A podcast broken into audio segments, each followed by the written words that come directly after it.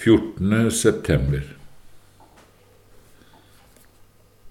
I Romerbrevets første kapittel og det 21. vers leser vi i Jesu navn. Enda de kjente Gud, æret og takket de ham ikke som Gud, men ble tomme i sine tanker, og deres dåraktige hjerte er blitt formørket. Rosenius sier. Her lærer vi hvor alvorlig Gud krever av menneskene, at de skal takke og prise ham i samme grad som de kjenner ham. Selv om vi bare kjenner ham som en vis og allmektig skaper, vil han likevel at vi også skal tilbe ham slik. Selv da skylder vi ham hele vårt hjertes kjærlighet ærbødighet og lydighet. De har ikke æret og takket ham, sier apostelen.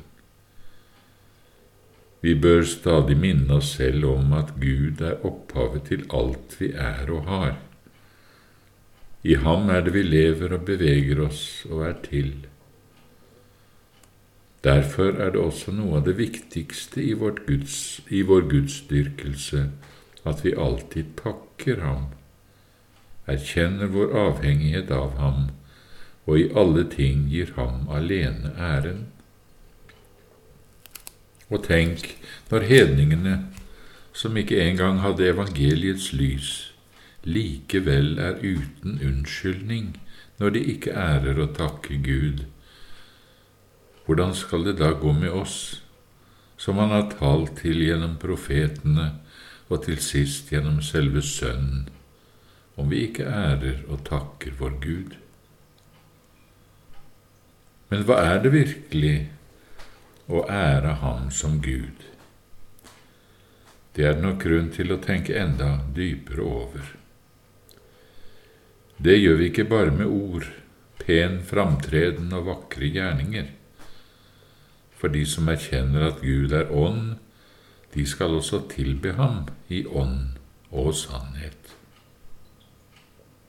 Som vi allerede har vist, vil Gud vi skal opphøye ham i samme grad som han har åpenbart seg for oss. Elske ham slik vi har sett han fortjener vår kjærlighet. Frykte ham slik vi har sett vi har grunn til å frykte ham. Tro på ham slik vi har sett han er trofast og sannferdig. Og så lyde ham i alle ting, slik vi har sett han har makt og rett til å herske over oss i alle ting. Dette er å ære og takke ham som Gud.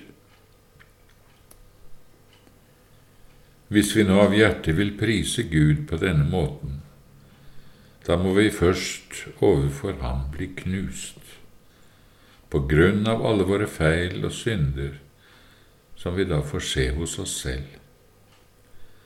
Vi må bekjenne at Han dømmer fullstendig rett når Han kaster oss i helvete. Da opphøyer og priser vi Ham som Gud.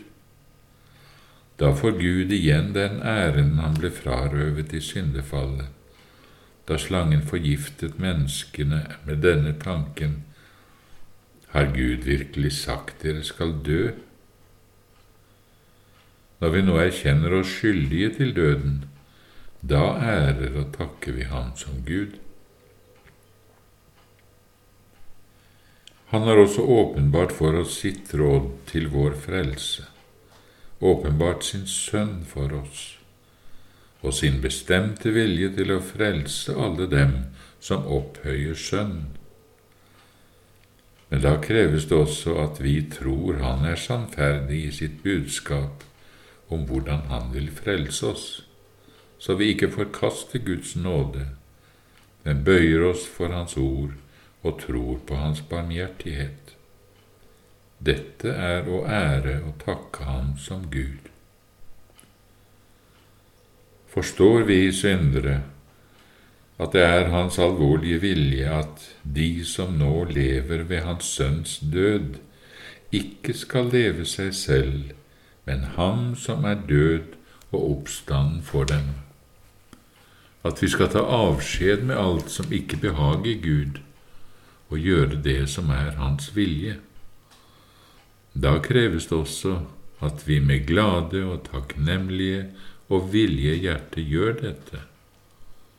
Og uansett alt som mangler hos oss, alltid tror på den evige forlatelsen som Han kjøpte så dyrt, og som Han så sikkert har lovet oss.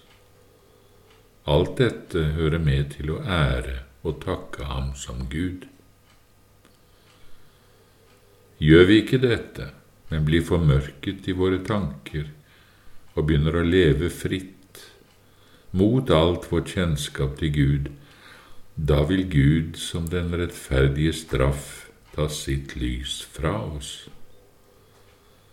Da lar han våre uforstandige hjerter formørkes og finne på all slags uhyggelige ting, som apostelen her sier om hedningene.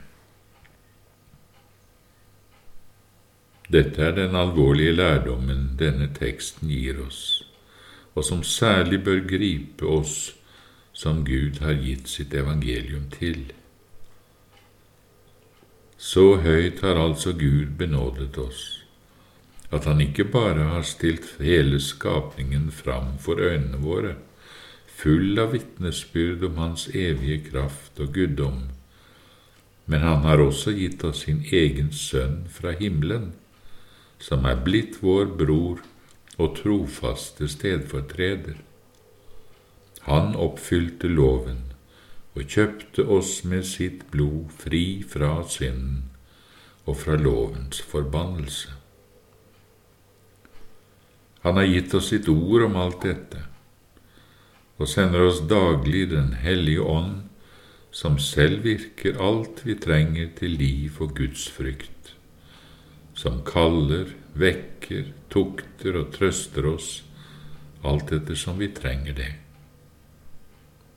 Tenk, når Gud har gitt og fortsatt gir oss alt dette, mens verden fremdeles går sin egen vei, er selvsikker og ugudelig, ikke frykter Gud, ikke priser og takker ham for all hans nåde, men bare lever fritt i all sin synd sin selvopptatthet og avgudsdyrkelse, hvem kan da undre seg over at Gud bare lar verden fare? Ja, bare lar dem forblindes og forherdes, så de knapt et øyeblikk frykter for helvete. Hvor mye alvorligere er det ikke da for oss, vi som til og med har Guds nåde og Åndens liv og lys, har smakt Guds godhet og er begynt å vandre i ånd. Om vi på nytt skulle falle fra, bli selvopptatt i våre tanker og igjen leve i selvsikkerhet og bevisst synd, hvor rettferdig, men for forferdelig vil ikke da Guds dom bli over oss? Uansett hvor skrøpelige og syndige vi var, bare vi ga ham alene æren og bekjente vår synd for ham, dømte oss selv og søkte Hans nåde, så ville jo alt sammen bli tilgitt. Men forakter vi ham, misbruker og setter oss opp mot det lyset han har gitt oss, og begynner å holde sannheten nede i urettferdighet, hvem kan da undres, sier vi enda en gang, over at Gud i sin hellige rettferdighet handler med oss slik fortsettelsen av dagens tekst viser.